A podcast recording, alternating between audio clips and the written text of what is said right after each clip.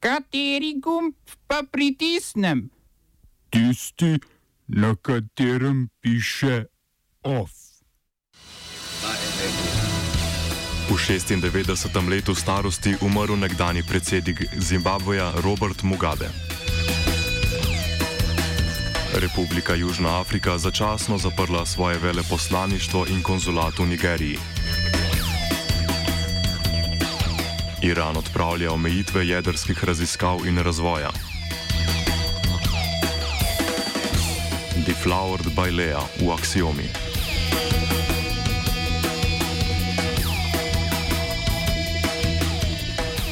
V 96. letu starosti je umrl nekdani predsednik Zimbabveja Robert Mugabe, je prek Twitterja sporočil predsednik Emerson Mnanague. Mugabejeva politična pot se je začela v 60-ih letih, ko se je uveljavil kot kritik britanske kolonialistične oblasti, zaradi česar je v zaporu preživel 12 let življenja. Po izpustitvi je v Mozambiku prevzel vodenje gverile in s protikolonialno revolucijo, ki je eskalirala v državljansko vojno, pod okriljem Zimbabvejske patriotske Afriške zveze, znane pod kratico ZANU, leta 1980 izsilil razpis svobodnih volitev, na katerih je slavil z omenjeno stranko in postal prvi premijer Zimbabveja. Leta 1987 je parlament sprejel spremembe ustave, s katerimi so Mugabeja razglasili za izvršnega predsednika. Položaj je združeval funkcije voditelja države, voditelja vlade in vrhovnega, vrhovnega poveljnika vojaških sil.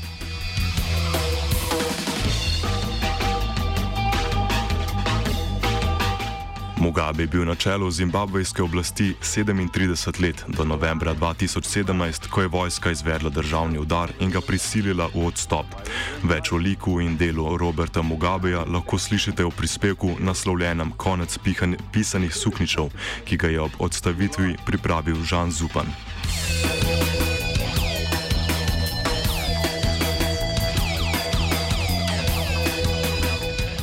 Sudanski premijer Abdallah Hamdok je po razpustitvi prehodnega vojaškega sveta in oblikovanju vrhovnega sveta predstavil novo sestavo vladnega kabineta. Na seznamu 18 ministrov, ki se jim bosta v prihodnjih dneh pridružila še dva, so štiri ženske, med drugim tudi Asma Abdala, prva zunanja ministrica v zgodovini države. Ibrahim El-Badavi, nekdani ekonomist Svetovne banke, je prevzel finančno ministrstvo, Madani Abbas Madani, vodja civilnega gibanja, je postal minister za industrijo in trgovino, general Jamal Omar, član razpuščenega prihodnega sveta, pa minister za obrambo.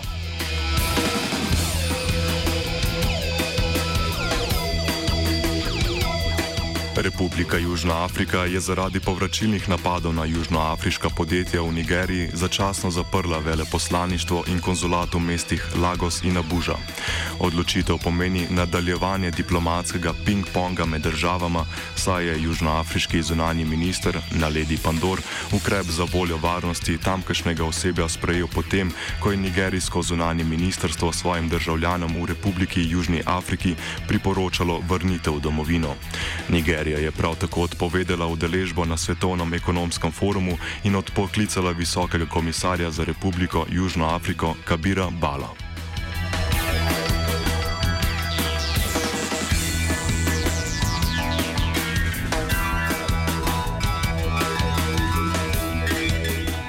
Omenjeni povračilni ukrepi so bili reakcije na izgrede v Johannesburgu in Pretoriji, v katerih je po besedah južnoafriškega predsednika Cirila Ramafose med razbijanjem in plenjanjem poslovno-trgovinskih četrti umrlo najmanj deset ljudi, več kot 400 je bilo aretiranih. V Republiki Južni Afriki, drugi največji gospodarski sili na celini, po letih 2008 in 2015 na dan tako ponovno udarja val ksenofobnega nasilja nad priseljenci priseljenci, večinoma delavci v slabše plačenih panogah.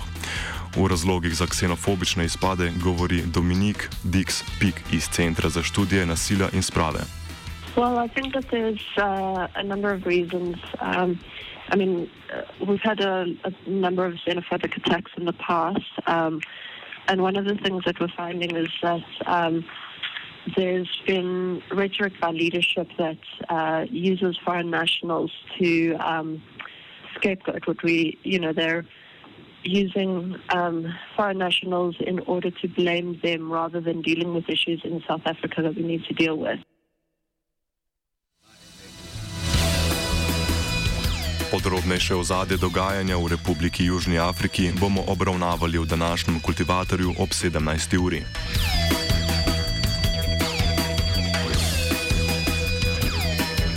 Nadaljujemo v Iranu. Predsednik Hasan Rohani je ukazal odpravo vseh omejitev jedrskih raziskav in razvoja, ki jih določa jedrski sporazum iz leta 2015.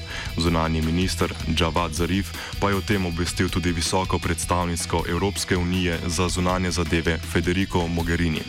Gre za tako imenovani tretji odmik od določil, ki ga Iran opravičuje z nepripravljenostjo Združenih držav Amerike, da bi ukinile finančne sankcije, ki so jih uvedle ob umiku iz sporazuma maja lani. Julija je Iran tako presegel dovoljeno količino zaloge obogatenega urana, omejeno na 300 kg in 3,6 odstotno omejitev čistosti.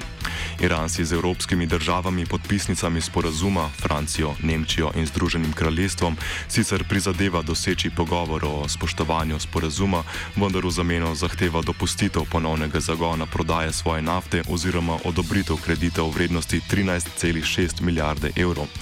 Da do opustitve sankcij ne sme priti oziroma ne bo prišlo, je v telefonskem pogovoru s francoskim predsednikom Emmanuelom Macronom še enkrat ponovil predsednik Združenih držav Amerike Donald Trump, čigar administracija je kmalo po Rohanijevem ukazu uvedla nov svežen sankcij.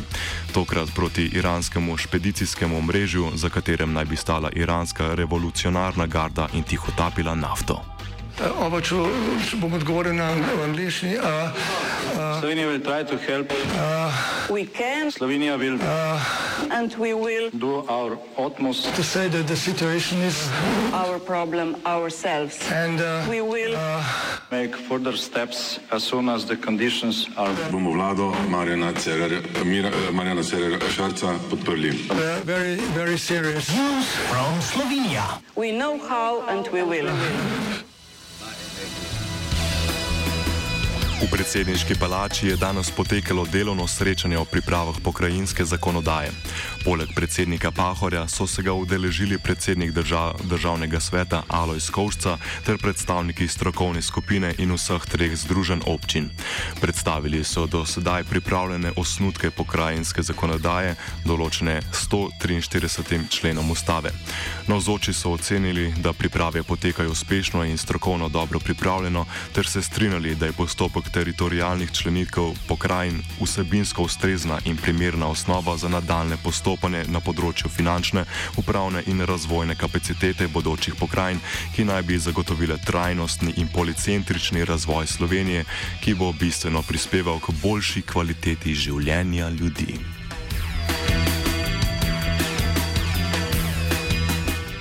OF je pripravil žiga.